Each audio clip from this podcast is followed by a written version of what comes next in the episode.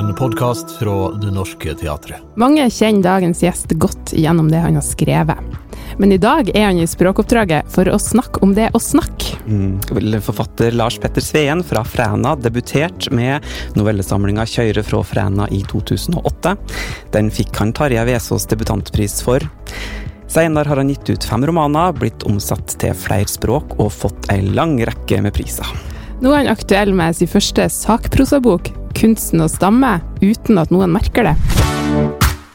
Du lytter til Språkoppdraget, en podkast fra Det Norske Teatret. Med Inger Johanne Søterbakk og Erlend Tongesvik Dreiaas.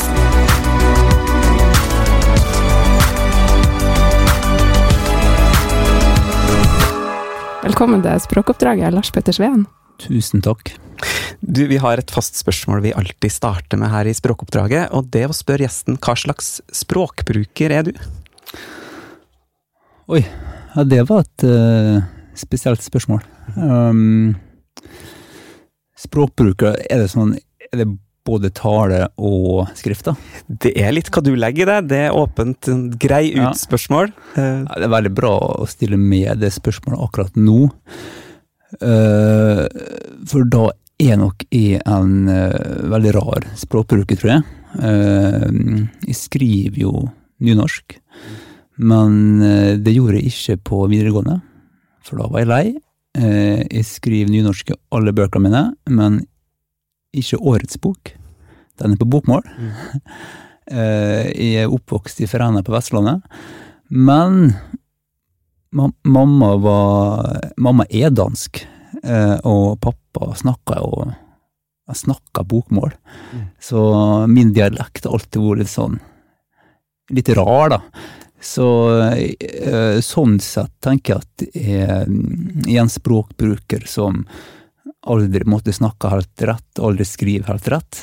Eh, og det passer bra siden jeg også stammer litt, da. Eh, både jeg og broren min stammer jo, og det gjør at vår dialekt, som var rar når vi vokste opp, den ble enda rarere når vi gjorde alt mulig for å prøve å hindre at noen kunne høre at vi stamma. Så derved vil jeg si at det er en ganske unik språkbruker, sånn Mm. sett. Men snakker du veldig annerledes enn andre fra Fræna, sånn dialektmessig? Jeg tror jeg snakker Det er veldig vondt å si, men jeg snakka litt sånn som en molling, en fra Molde, tror jeg. Og nå veit at alle fra Fræna vrir seg, eh, for det skal man jo ikke gjøre. Men det er litt sånn at eh, Så jeg bodde i Oslo i mange år også, så dialekten blir jo blir ødelagt etter hvert. Eh, Så, så man får det sånn utflytende dialekt, eller utvanna Mm. dialekt, da. Mm. Men betyr det at du har egentlig hatt litt slekk i det at du snakker litt eh, annerledes, eh, fordi foreldrene dine snakka annerledes? Altså det var en slags hjelpemiddel i stamminga? Ja, kanskje, men jeg veit ikke. Jeg, har vært utrolig sånn eh, Så stamminga mi Når dere hører på noe, så hører dere ikke noe stamming, nesten. Og jeg har vært utrolig sånn skamfull for stamminga mi. Så jeg har jo jobba veldig mye for å bli kvitt Eller ikke for å bli kvitt, for det, det tror jeg ikke går, da, men for å skjule stamming uansett. Eh, Og det har jo ført til at i mange sammenhenger har jeg gjort om på setninger, gjort om på hvordan jeg snakker. Eh, Jeg har tatt ut ord som er vanlige i min dialekt, og erstatta med bokmålsord ofte. Mm. Eh, Så vi er jo vant med at jeg snakker litt annerledes fra jeg var liten av. Og i mitt hode så er det mye mindre verre enn hvis noen skulle høre med stamme. Eh, For jeg har jo hørt, det er jo helt vanlig å høre at folk har litt ulike typer dialekt, ulike måter å ja, snakke litt sånn at man lener seg mot det østlandske, da. Mm. Eh, Men jeg er ikke vokst opp med at det var ok å stamme. Eh, Det er ikke vokst opp med, og det har jeg knapt sett eller hørt et eksempel på i hele livet mitt, utenom min egen familie. Eh, Så sånn sett har jeg alltid tenkt at om vi snakker rar dialekt, om vi legger om til litt østlandsk her og der, litt molling her og der, plutselig hopper tilbake til litt frendialekt, så er ikke det så farlig for meg. Jeg kan ta den, liksom. Mm. Men om vi stammer, det har jeg aldri turt å gjort. Heller knoting enn stamming, rett og slett. Heller knoting. Og det som jeg også ofte har gjort, da, er at jeg har lagt inn lange pauser. Eh, ikke sånn stille pauser, men sånne pauser som høres ut som det her. Eh, så jeg kunne for eksempel, hvis jeg skulle si Hei, jeg heter Lars Petter Sveen. Så var jeg så redd for å stamme på navnet mitt, sånn som jeg gjorde litt nå. Så kunne jeg istedenfor å si Hei, jeg heter Lars Petter Sveen. Mm. Og så, når jeg begynte å øve på det, så var jeg redd for at det skulle Jeg skulle stamme likevel. At jeg igjen ville ikke hjelpe, så jeg satte opp tempoet. Så kunne setninga bli som følger. Hei, jeg heter Lars Petter Sveen. Mm. Eh, og det er jo veldig vanskelig å høre. så eh, jeg har jo, eh, siden jeg var barn, og siden jeg var ungdom, og opp i voksenlivet også, det skjer den dag i dag, så kan jeg ta meg sjøl og snakke litt for fort, litt utydelig, og heller legge inn sånne lydlige eh, pauser sånn, eh, mellom orda, da. Mm. Eh, ja, det, det er ganske vanlig for meg. Eh, så sånn, jeg vil si at det, det er en sentral del av meg som språkbruker. da. Mm. Absolutt, ja. Vi skal komme litt tilbake til akkurat det, men uh, først må jeg nevne det. Gratulerer da med ny bok som har kommet i disse dager. Um, og den er jo annerledes enn de andre bøkene dine, fordi det er eh, sakprosa. Eh, Du har gitt slipp på fiksjonen i denne boka her. Hvordan har det vært? Det har vært veldig vanskelig. Mm. det har vært utrolig vanskelig. Eh, jeg kan si to ting om det. Eh, for det første så var det vanskelig fordi eh, når jeg skriver roman til vanlig, så er jeg veldig opptatt av karakterene mine.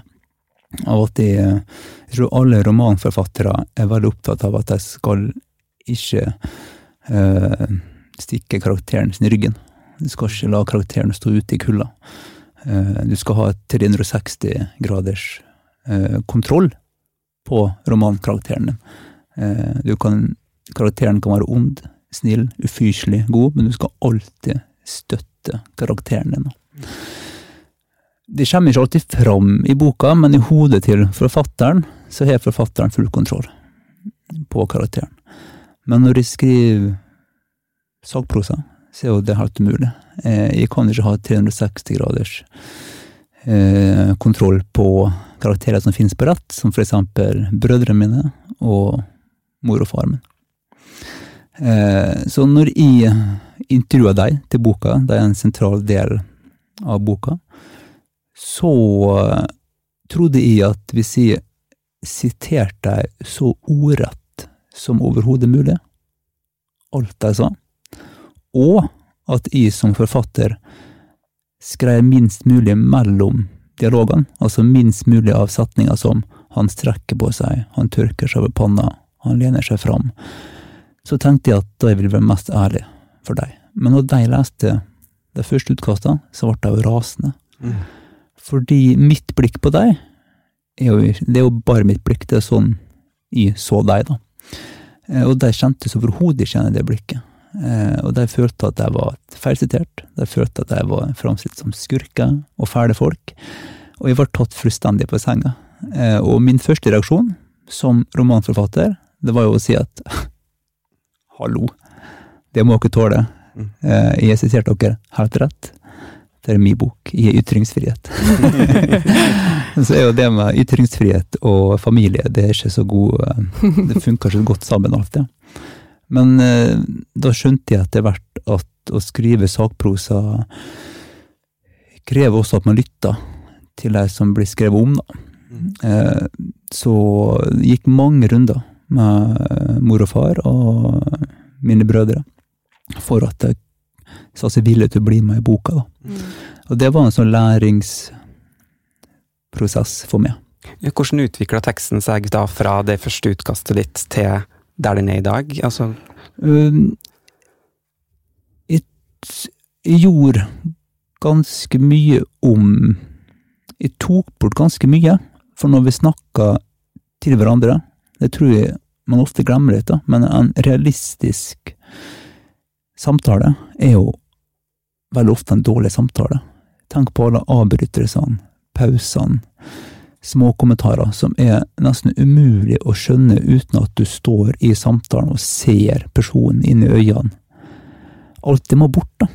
Eh, og jeg trodde jo at eh, jeg skulle i sakprosa, så skulle alt skulle være ekte. Sant? Og det var en ting som var borte. Så det var mye mer redigering av en ekte samtale enn jeg egentlig trodde måtte til. Da. Og så må man jo som forfatter, når man det som leser, ser jo ikke situasjonen. Da må du som forfatter gå inn og si sånne ting som en sånn banal ting som at jeg ser at min far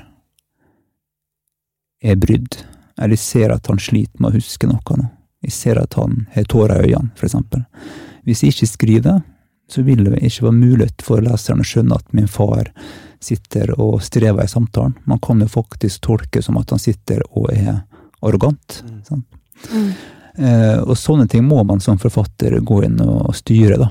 Eh, og, eh, og, det syns jeg var krevende. Da begynte jeg å tenke sånn shit. Jeg ender jo opp med sånn eh, blir, blir sånn Vigdis Hjorth Knausgård-type som liksom ikke kan snakke med familien din, liksom. Eh, ja. ja. Men hovedkarakteren i denne boka er jo deg. Det er, det. det er jo du som er fortelleren, mm. og det handler om deres stamming. Mm hva var det som gjorde Altså, du er jo over 40 år. Hva er det mm. som eh, Du har levd med det hele livet. Hvorfor skrev du den boka akkurat nå? Jeg har levd med det hele livet, og uh, jeg, har trodd hele livet at disse takler takle det ganske fint. Også når det har gått dårlig. Det har gått dårlig mange ganger før, det går dårlig sånn annethvert år cirka. Får For en sånn knekk. Men i fjor høst så skulle jeg på um, Litteraturhuset. Det er et ord som jeg syns er veldig vanskelig å si for øvrig. Jeg hørte det la igjen en sånn pause, da. Jeg greier ikke å si det rett ut. Jeg var på Litteraturhuset og skulle lese opp en appell om forfatternes klimaaksjon. Når det var min tur å gå på scenen, eh, så var det mange sånne småting som gikk feil for meg mange sånne det som jeg kaller sikkerhetsmekanismer, som jeg har lagt inn for å kontrollere stamminga mi. Eh, mange av de slo seg feil når jeg var på scenen. Eh, jeg så ikke manuset mitt. Jeg er veldig avhengig av at jeg skal ha kontroll på det jeg skal si, for da kan jeg bytte ut setninger, bytte ut ord. For jeg har alltid vært veldig redd for at noen skulle høre stamminga. Eh, jeg så ikke manuset, så jeg mista kontroll. Jeg hadde lagt igjen brillene i veska mi. Eh, det var sterkt motlys. Mange sånne småting, da. Og så plutselig besvimte jeg. Jeg sto og snakka, og så hørte jeg en sånn pipelyd på øret. Og så åpna jeg munnen, og så hørte jeg ikke min egen stemme. Og så svartna jeg for meg. Når jeg da kom til meg sjøl etterpå, eh, backstage, så satt Maja Lunde og Simon Stranger, de hadde da båret meg av scenen. De satt liksom og prøvde å få kontakt med meg. Og det første jeg tenkte på da, det var oi, har jeg stamma nå? Det andre jeg tenkte på, det var nå er det gått for langt. Ja, ja. Nå har jeg besvimt på scenen. Eh, ikke fordi jeg stamma, men fordi jeg var redd for å stamme. Og det satte i gang en sånn prosess da, som, der jeg med ganske mye hjelp og press fra andre tenkte at nå må jeg ta tak i stamminga. Og så var det en ting til som gjorde at jeg underveis skjønte at det her vil jeg virkelig skrive om. Og det var at jeg husker når jeg var åtte år, tolv år, 14 år, 25 år, 39 år, så var det ingen bøker jeg kunne låne eller lese om stamming. Det var ingen TV-serier. Det var én film, og det er kongens tale. Mm. Men det var virkelig lite informasjon i som stammer kan gå til, da. Og få trøst av, og få en slags sånn resonans hos, da. Og kjenne meg igjen og se opp til og lære noe av. Og da tenkte jeg at, vet du hva, da vil jeg prøve å skrive ei bok sånn at en gutt som jeg, da, 14 år, faktisk kan finne på biblioteket. Så det ble, og det er faktisk en sånn eh, ganske sånn stor motivasjonsfaktor da, for meg. Mm. Mm. Du skriver jo i boka så skriver du mye om eh, altså frykten for å stamme. At den fort har blitt sterkere enn lysten til å snakke. Jeg syns det var sånn fint eh, par der. Eh, Ja, den er ganske viktig, den, det skillet der, da. For jeg tror Jeg tror hvis den ene blir for sterk, hvis frykten for å stamme blir for sterk, og det blir jo blitt mange perioder i mitt liv. Det var da jeg var barn, og jeg var ungdom. Eh, slo fra meg det å bli lærer, for eksempel. Slo fra meg veldig mye. Jeg sa nesten ingenting høyt. Jeg rekte aldri opp hånda i klasserommet. Unngikk situasjoner der jeg kunne snakke. Hvis den blir veldig stor, så um, velger du bort ting. Da gjemmer du det. mm. Og det tror jeg er ganske vanlig da, for eh, folk som stammer.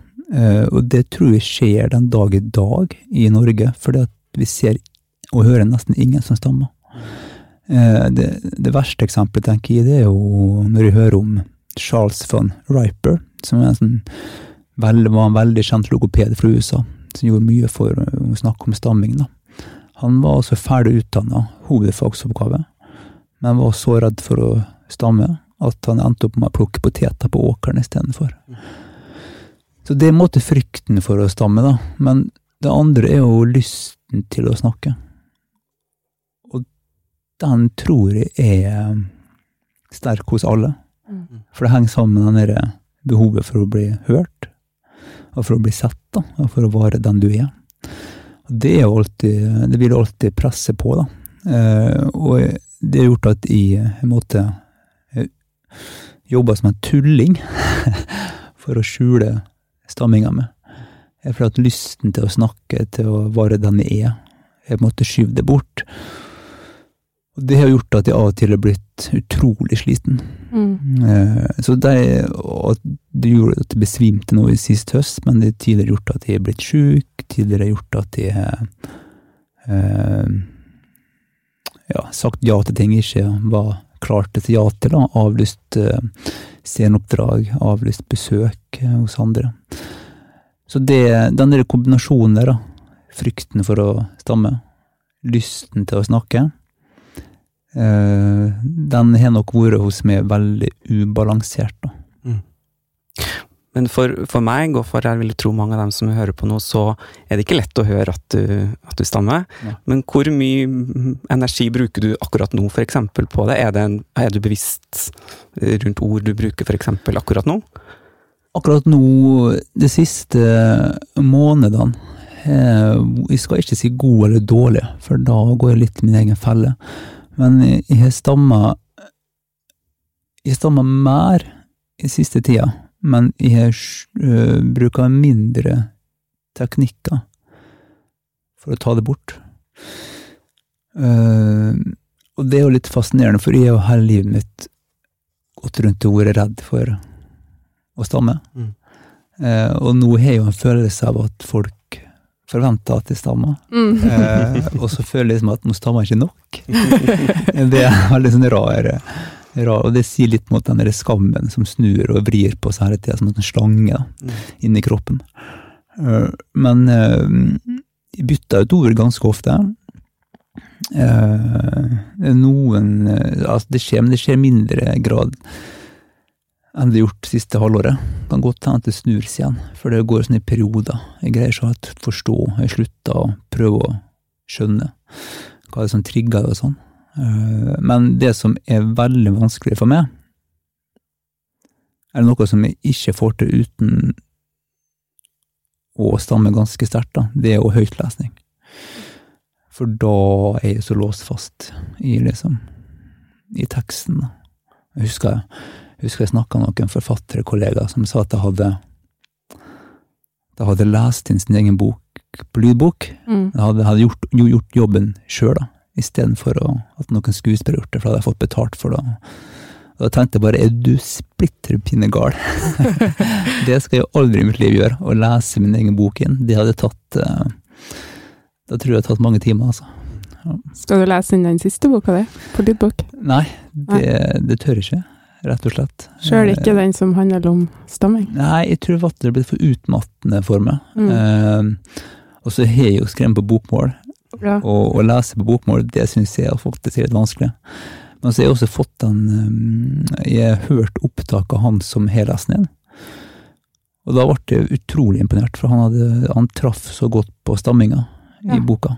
På en veldig god måte. Det, det syns jeg det ble veldig lett da jeg hørte at han liksom han, han fikk til den. Mm.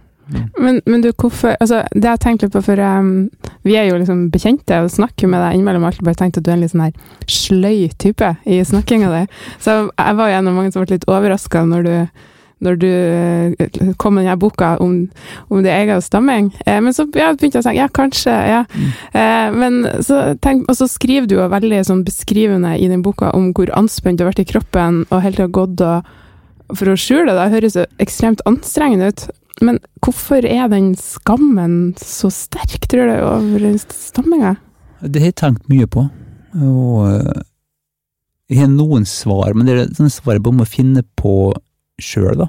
Um, jeg tenker at det handler veldig mye om at alt som er, hvis man starter veldig bredt, da, alt som er annerledes, er jo annerledes fordi at det er lite av det. Og, og den som er annerledes, vil jo ikke, har jo ikke lyst til å være annerledes, for det er da skiller du ut. Så en som stammer, vil jo skille seg veldig ut. Eh, Jeg tror det er veldig lett å tenke at det er noe feil med en sjøl. Og stamming er jo veldig lydelig. Eh, Det som å gå med sånn eh, hva skal jeg si, knall rød, liksom fulldekkende dress da, på scenen. Eh, Du, du kan ikke Når du først begynner å stamme, så står du fast i det. Eh, og det er også sånn fysisk ubehag, da. Eh, just en som spurte meg at, sa til meg at ja, men alle mumler litt, og kanskje alle stammer litt, sa hun til meg. Og da sa jeg at nei, sånn er det ikke, for jeg kan sjøl liksom mumle litt og rote litt med orda, men å stamme, da er det som om eh, Det er som at ordet fysisk sitter inni munnen din, og så vil det ikke ut, og hele kjeven låser seg, da. Eh, og det som, det, for min del så er det sånn at brystkassa strammer seg, magen strammer seg, eh, skuldrene strammer seg. Det er som et sånn stålbånd over panna. Jeg bruker, når de begynner å stamme skikkelig, så får jeg det som jeg kaller sånn fiskeansikt, da. Da står jeg med åpen munn, og så eh, ser jeg opp i taket, liksom. Da er det sånn ordet henger seg helt opp, da. Eh, Så det, det, det gjør liksom at stamming blir veldig eh, Det er veldig fysisk, og det, det gjør at den som stammer, det å miste den kontrollen på kroppen, det har man ikke lyst til å oppleve. Eh, Det er veldig, veldig vondt, da. Eh, Og, og jeg har jo to onkler som stammer. Jeg har mye stamming i familien, broren min som stammer. Og jeg har perioder sjøl der uh, stamminga kan være ganske intens, da. Uh, og da er det, da er det vanskelig å si noe, altså. Uh, men så er det også det at all snakking vi hører i samfunnet vårt, i Norge, men også via Hollywood og TV-serier og film, den er jo så perfekt. Mm. Den glir jo så utrolig godt. Den er så tydelig, hørbar, uten feil. Så det finnes ekstremt få eksempler på mennesker og karakterer da, i kulturen som snakker feil. De eksemplene som finnes, er jo nesten bare skurker. Eh, I boka så skriver jeg blant annet om kjente skurker fra actionfilmer, eh, som Alan Rickman sin karakter i Die Hard. Hvis du ser den filmen om igjen, hvor mye av karakteren ligger i hans liksom svak, sånn lespende stemme, da. Hvordan han tar rommet med stemmen.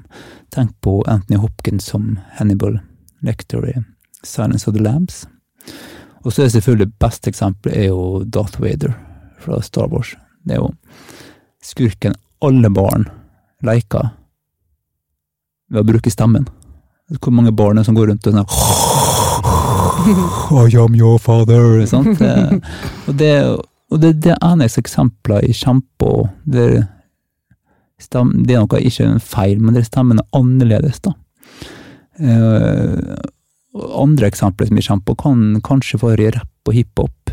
Der kan det ofte Det er mye med større rammer for liksom at den som rapper, kan ha liksom talefeil og være sånn røff i tonen og ha liksom annerledes stemme. Men ellers så Og, tenk, og den som stammer, jeg som stammer, og alle andre som stammer, tror jeg, hører jo dette. Mm. Eh, Du vil skille vanvittig fort ut. Eh, og det gjør nok at man blir ekstra obs på at shit, jeg vil ikke være den som Jeg vil ikke være den som eh, blir lagt merke til. Jeg blir ikke den som blir lagt merke til fordi det er noe feil med meg. Jeg kan gjerne bli lagt merke til hvis de får Nobelprisen, Ja. men ikke hvis de står på en scene og stammer, eller hvis de sitter på puben og himler med øynene fordi jeg ikke greier å si navnet mitt. Ja. du, du nevnte jo mor og far din og, Mm. og brødrene og de jo, at de er med i boka, og at du har snakka med dem om, om stemminga, og så sier foreldrene dine at eh, de hadde ikke merka det, for det Mm. gikk så bra med deg. Mm.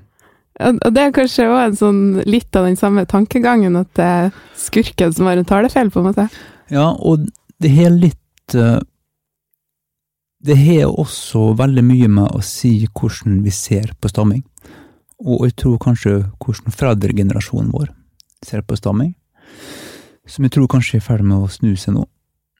Um, og det, det kjenner jeg sjøl når jeg var liten og ungdom.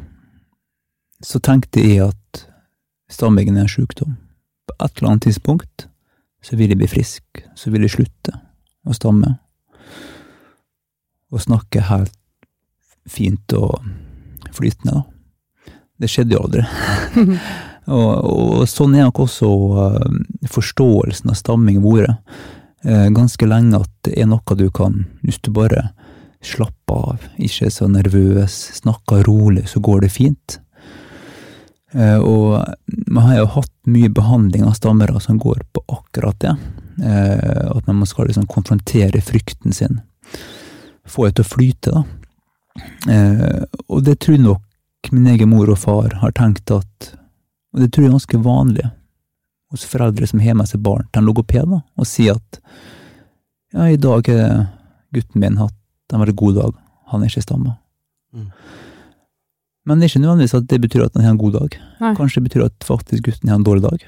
Kanskje han holder kjeft fordi han stammer mye. Kanskje man bruker gutten bruker alt av teknikker man har for å unngå å stamme akkurat da. Eh, og sånn er det nok også for mamma og pappa, da.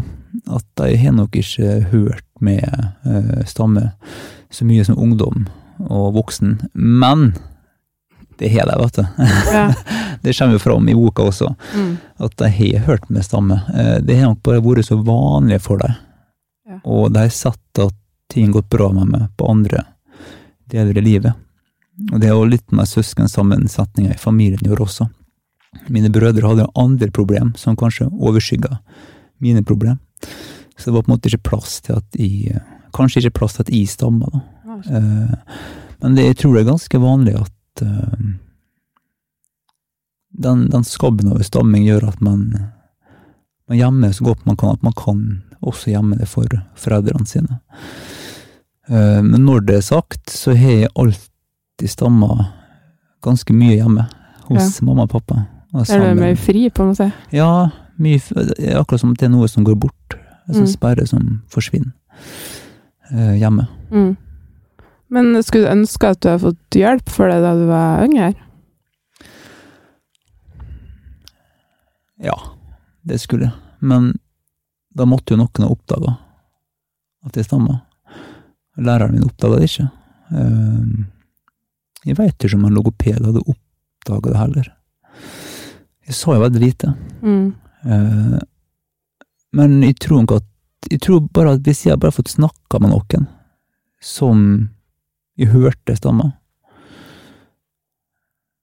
utafor familien Uh, Og hvis noen bare Hvis jeg tror hvis jeg åpna den boksen, da, jeg hadde tatt av eh, plasteret på det såret, så tror jeg det hadde hjulpet meg veldig mye. Uh, absolutt. Så samtidig så tror jeg jeg har lært meg veldig mye sjøl, da. Mm. Uh, som har gått ganske bra. Og det tror jeg kanskje mange som stammer Sånn er det nok for mange som stammer, da, tror jeg. Også også at det, er, det er en ganske lang vei å si fra, tror jeg. Hvis man greier å skjule det til en viss grad, så gjør man det. Mm. Uh, og da vil jo det å kontakte en logoped, gå til en logoped, vil jo være å bryte hemmeligheten, da. Ja, det er akkurat det. Så det er litt sånn eh, Det er, det er en sånn liten dilemma man står i. Uh, ja. Ja, for det virker jo kanskje dumt av meg å spørre deg om du skulle ønske at du fikk hjelp, men det er egentlig det jeg tenkte på, for da hadde du jo kommet til å skilte deg ut, på en måte, da. Mm, mm. Hvis du hadde måttet gå til logoped på skolen, eller Men jeg tenker jo at det er min, min bror um, gikk jo til logoped. mm. Uh, men han hadde en annen talefeil i tillegg til stamminga. Og så har ikke han skjult det, sånn som jeg. Han har ikke jobba så mye for å skjule det som jeg har gjort. Men eh, jeg skulle nok gjerne hatt hjelp, og jeg er veldig glad, det må jeg bare si at eh, jeg er veldig glad nå for at det går til logoped. Uh, og jeg er veldig glad for at jeg skrevet denne boka her. Mm. Uh, det gjør at jeg kan Jeg er mye mer avslappa når jeg snakker nå, enn jeg var for bare ett år siden. Og eh, ja, jeg kan jo godt hende om ett et år igjen så har det låst seg igjen, da. Eh, Jeg veit ikke. Men det går veldig i bølger, da. Jeg skulle for eksempel kjøpe meg pils på Kjøpe meg Guinness på bar når Premier League hadde åpningshelga si. Skulle se en kamp. Når jeg skulle kjøpe en øl da, så stamma jeg som en Jeg fikk ikke sagt Guinness, da. Nei. Jeg sa jeg skulle si, kan jeg få en jeg bruker ikke hakke når jeg stammer så mye. Jeg sier ikke for eksempel, kan jeg få en Guinness? Det er ikke det jeg sier. Nei. Når jeg stammer, så høres det ut som at jeg sier, kan jeg få en Guinness? Sånn er det. Og det er fordi at uh, ordet Jeg jobber så masse med å få ord ut, da. Men jeg rakk ikke å si uh, Altså, han bartenderen sto jo bare og så på meg. Uh, og så når jeg var ferdig, så ga han meg en Guinness. Og det syntes jeg var fint, da, fordi eh, han lot meg snakke ut. Mm. Han virka som at det var helt ikke noe problem for han. Jeg fikk Guinnessen. Jeg smakte veldig godt. For ett år siden så hadde jeg kanskje endt opp med å ha sagt kan jeg få en cola, Ja. ja. eller noe sånt, der istedenfor. Mm. Så det er en sånn liten seier eh, for min del, da. Mm. Eh, og, men det er også et eksempel på at det kommer som plutselig. Mer nå enn før, fordi vi slapper mer av. Mm. Og så kommer det sånn Da kjenner jeg meg ut, da. Men er det liksom den ideelle måten for deg da, å bli, å bli møtt på, sånn som han bartenderen som uh, venta og ikke fullført eksempel en setning eller sånt? Ja, det tror jeg er ganske vanlig eh, for alle som stammer. At man må liksom må få snakke ut, da. Mm. Eh, og det er nok det Ja, det er det, det jeg gjerne vil, og hvis de først begynner å sette seg fast, da, eh, og begynner å stamme veldig, så er det beste å bare la vente, liksom. Og så, så kommer det. Eh, så kan man bare tenke at den som stammer, er sikkert noe veldig fornuftig å si. Og det er en vesentlig forskjell på cola og Guinness. Mm, Absolutt. Du, du var inne på det i stad at det ikke var aktuelt for deg å lese inn dine egne lydbøker, men jeg tenkte på den overgangen mellom det muntlige språket og det skriftlige. eh, For du har jo da, som vi har nevnt, eh, skrevet mye eh, skjønnlitteratur tidligere. Hvordan har det muntlige forholdet ditt til det muntlige språket påvirka skriftspråket ditt, eller om det har påvirka i det hele tatt? For min del så har det skriftlige språket vært en sånn frisone. Der jeg kunne skrevet akkurat hva jeg ville. Ingen du stammer når du skriver. Eh, og det har vært en sånn befrielse, det husker jeg fra skolen. Den utrolige friheten jeg kunne skrive. Eh, når jeg begynte å skrive. Når jeg lærte meg å skrive. Jeg lærte meg faktisk ganske tidlig å lese òg, men Eh, læreren min trodde jo at jeg Eh, lærte å lese sist av alle, fordi at jeg, jeg begynte å stamme når vi hadde høytlesning. Så jeg lot som jeg ikke kunne lese. Så jeg fikk jo melding med meg hjem om at dere må følge opp Lars Petter, for han greier ikke å lese. Han har ikke lært seg å lese. Og min mor og far var sånn hæ? Han sitter jo hjemme og leser bøker og skriver. Skriver jo hjemme også. Så, så skrivinga har vært en sånn eh, eh, frisone for meg. Så kjenner jeg jo nå, da. For nå eh, har jeg begynt å skrive om meg sjøl. Det har jeg aldri gjort før. Jeg har bare skrevet romaner som har vært ganske langt borte fra meg sjøl. På mange måter. Det er jo mine tanker og mine ideer, så det er en måte i meg. Men det har vært historier og handlinger som har vært langt fjernt fra meg. Mens denne boka her så gikk jeg helt motsatt. Og skrev veldig nært om meg sjøl. Og jeg kjente at det gjorde noe med språket mitt. Så mye at jeg skifta målform Mm. på ei bok. Eh, Jeg skrev, en, jeg skrev boka på bokmål, og det er fordi nynorsk er mye nærmere, sånn som jeg nærmer nærmere meg sjøl. Sånn som jeg tenker, sånn som jeg snakker. Eh, Men det ble for nært. Jeg greide ikke å nærme meg stamminga mi. Jeg måtte ha liksom avstand da, til, til språket mitt. Og da dermed begynte jeg å skrive på bokmål, og da løsna det litt. Men det var målformen, også setningsbygginga mi. Jeg sleit veldig mye med at de første sidene, de første versjonene av manuset hadde veldig mye subjekt, verbal, objekt, oppbygging eh, på setningsnivå. Sånn er det jeg gikk ut av bilen, jeg tok på meg jakka, jeg var nervøs, jeg gikk på scenen. Og så husker jeg redaktøren min sa at hva er det som skjer med språket ditt? og det, og det har nok eh, en sammenheng med den det var noe nytt som oppsto her. da. Jeg var så fokusert på meg sjøl at det viste seg i språket. da. Og det, hvis, du ser, hvis man leser boka nøye, så tror du du kan se spor av det enda i første del av boka. At det er veldig mye jeg i starten, og så forsvinner det etter hvert. Etter hvert så begynner liksom å, å få litt avstand til meg sjøl igjen, da, eh, utover. Så jeg er veldig spent. Jeg sitter og skriver nå også på et nytt manus, og jeg er veldig spent på hvordan språket mitt endrer seg eh, underveis. For jeg kjenner at det, det endrer seg nå, altså. Eh, Setninga blir litt lengre eh, og bygd opp på en annen måte enn det har vært før. Du, du skriver jo nå i boka òg at du som ungdom, og du snakka litt om det i stad, at du valgte å skrive bokmål for å være anonym. Eh, og, og så kom du nå tilbake til bokmålet, men, men du er jo på ingen måte anonym i den boka, men, Nei. ja, men det er en sånn følelse. mm, Jeg føler jo at uh, bokmål er liksom det Kanskje feil plass å si det, men bokmål er liksom det alle sammen skriver. mm, Nynorsk er MR en statement. Men også fordi når du vokser opp på Vestlandet, eller når du vokser opp hvor som helst i Norge, egentlig, så er det jo østlandsk eh, Oslo-dialekt, eller dialekt man snakker i Oslo, er jo på en måte den herskende måten å høres ut på, mm, og snakke på, og skrive, på, skrive på, på en måte, da. Og alt annet blir liksom annerledes.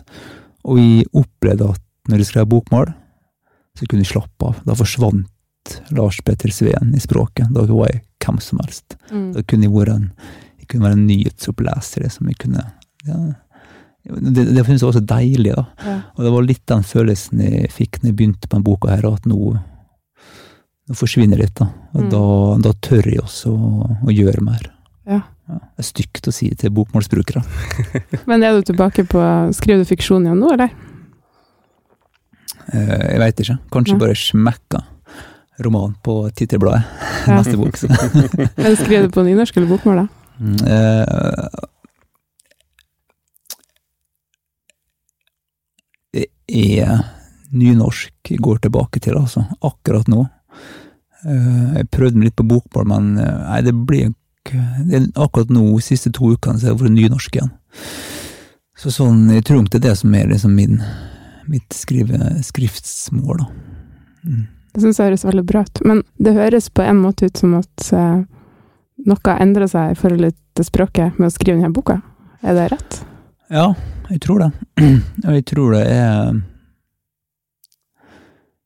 Jeg tror jeg har skjønt at det er ikke så viktig for meg.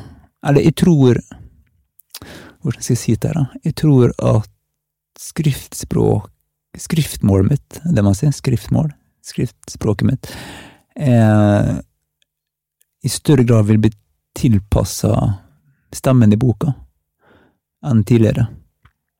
Eh, og sånn kommer nok til å være framover òg, tror jeg. Mm. Og det gjør at jeg plutselig kan skrive nynorsk, eller bokmål, da.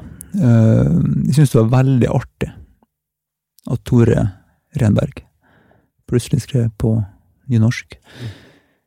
Ikke fordi at jeg opplevde at det var noen sånn stor politisk statement, eller at det nødvendigvis hans forfatterskap tok noen sånn stor annerledes retning, men jeg følte at han viste at bokmål og nynorsk også handler om stemmen du skal finne, da. Og den stemmen i boka er så viktig. Jeg husker jeg snakka med Jan Skjærstad en gang, og han sa til meg at hvis du først finner en god stemme, så har du boka. Det er bare å kjøre på. og jeg, jeg skjønner veldig godt hva han mener. Hvis du finner en god stemme, så hinder i veien for den stemmen. da. Ja, men det er jo på mange måter en gave å ha eh, så mye språk å veksle i. Ja, det tenker jeg også. Mm. Det er akkurat det. Eh, og du har jo mange eksempler på at forfattere gjør akkurat det her. Tenk på hva Frode Tiller Han skriver jo bokmål alle andre plasser enn i bøkene sine. Mm. Der er det nynorsk. Eh, Helga Flatland skifter fram og tilbake mellom bokmål og nynorsk. Eh, Jeg sjøl gjør det. Eh, Det finnes noen eksempel på det, da. Og det tror jeg handler nettopp om at som forfatter så eh, jobber du med språk hele tida. Og det betyr, når du jobber med språk, så betyr det også at du uh, utvikler språket ditt. Da. da kan du på en måte ikke låse det fast i noe. Mm. Du nevnte i stad at det var da du vokste opp en mangel på representasjon av eh, andre som stamma. Eh, Nå har du blitt en som andre kan lese og føle seg sett og inkludert i. Hvordan, hvordan føles det?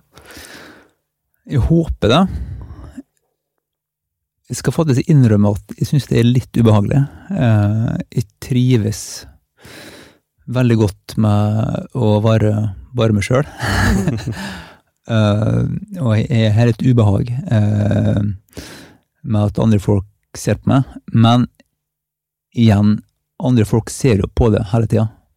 Eh, Kjæresten gjør det, barna mine gjør det. Altså, du blir sett på uansett til en viss grad, da. Men eh, jeg syns jo eh, stamminga mi er fortsatt litt Jeg er fortsatt flau over det. Jeg sitter jo her og snakker om stamming, og unngår å stamme. Eh, det er ikke ferdigbehandla hos meg. Jeg føler at du står liksom i krisen, som heter Lars Petter, fortsatt, da. Eh, og det gjør nok at den boka jeg har skrevet, er ganske annerledes enn om jeg hadde skrevet den om etter to år, eller tre år. Da hadde den nok blitt mye mer rundere i formen, og mye mer sånn kanskje avrunda og balansert, da. Eh, Men jeg er veldig opptatt av det når jeg leser andre, når jeg hører andre snakke, også for mitt eget liv, at jeg slutter å tenke på at jeg går gjennom krisa, og så blir jeg et bedre menneske, og så er alt lagt bak meg, og så er alt bra igjen. Jeg tror ikke på den utviklinga hos meg sjøl, da. Jeg tror at for min del er den en kontinuerlig sånn kamp eller strid eller utvikling, eller bare det å leve, da. Det handler om det. Eh, og sånn er det nok med stamminga mi òg, da. Det kommer til å gå fram og tilbake hele tida. Eh, ene dagen så kan de sitte og snakke helt fint. Andre dagen så syns jeg det er skummelt å gå ut døra, fordi jeg er redd for at noe på trikken skal spørre meg om billettkontroll også. Får ikke til å si at jeg glemte å kjøpe billett. Mm. Sånne ting, da. Eh, og det er sånn det kommer til å være hele tida. Og det gjør nok at når jeg, det har faktisk rent inn meldinger eh, siste måneden på mail, eh, SMS, Messenger eh, fra fremmede folk som stammer, og som har skjult stamming, og som sier til meg at eh, de er veldig glad for å bli tatt opp, og at de sjøl aldri snakker om det. De vil ikke snakke, vil ikke snakke om det. Og det tenker jeg er bra, da. For hvis jeg kan åpne litt rommet, så tror jeg det blir lettere for andre å stamme, kanskje. Eh, Det blir lettere å snakke om stamminga og definere seg sjøl utover det, da. Så hvis det kan funke, så er, er det veldig bra. Jeg husker jo sjøl, i hele mitt liv, så har jeg vært livredd for at noen skal snakke om stamming. Hvis noen har stamma, så har jeg gått ut av rommet. Eller jeg har slått av TV-en, hvis det var på TV. Eh, I den frykten for at det skulle bli avslørt som stammer. Helt absurd frykt. Helt absurd. og, og jeg tror kan godt hende at hvis jeg hadde hørt meg sjøl nå Det kan godt hende at det er noen som har skjult sammen nå, som syns det er ubehagelig å høre på, da. Men, eh, men jeg tenker at eh, det er flere som snakker om det, til bedre er det. Rett og slett. Det tror jeg stemmer. Det var utrolig fint å snakke med deg om det her, og eh, jeg håper ikke du grudde deg til å komme hit i dag. Ikke, ikke så mye. Nei. Eh, vi har et eh, fast spørsmål til slutt til alle gjestene våre. Og det er jo hva er ditt favorittord? Det er Det, det kjedelige ordet er kjærleik. Jeg tror alle nynorskbrukere, til og med bokmålsbrukere, har det som favorittord. Ble ikke det stemt fram som det var vakreste ordet òg? Det. Det er veldig fint ord. Eh, Jeg er også veldig glad i ordet mørke, og ulike variasjoner. Mørkere. Mm. Det liker jeg veldig godt. Jeg har alltid tatovert de to ordene på meg sjøl. Ja. Eh, og så ett ord til, da. med få. Jeg skal love til siste ordet. Det- det. Eh, Det er tittelen på et dikt av Haldis Moren Vesaas. Jeg har aldri sett det blitt brukt noen andre plasser enn hos henne. Det er ordet ensamflyger, eh, som er et nydelig dikt hun skrev, som ikke fins noen Det var et sånt enkeltstående dikt som bare fins i sånne samla diktutgaver. Som er helt nydelig. Eh, anbefaler alle å lese det diktet. Eh, og det er kanskje mitt eh, favorittord, da. For jeg tror det sier litt om ikke hvordan mennesker er, men hvordan mennesker ofte kan føle se at de er, da. Og Det er jo det som står på armen din. da. Det er også tatovert på meg. Mm. Sånn er det. Tusen hjertelig takk for at du ble med i språkoppdraget, Lars Petter Sveen. Tusen takk for at jeg fikk komme. Bli med i samtalen. Send inn dine spørsmål og kommentarer til sprakoppdraget krøllalfa denorsketeatret.no. Produsent er Ole Herman Andersen. Flere podkaster fra Det Norske Teatret finner du i podkastappen din.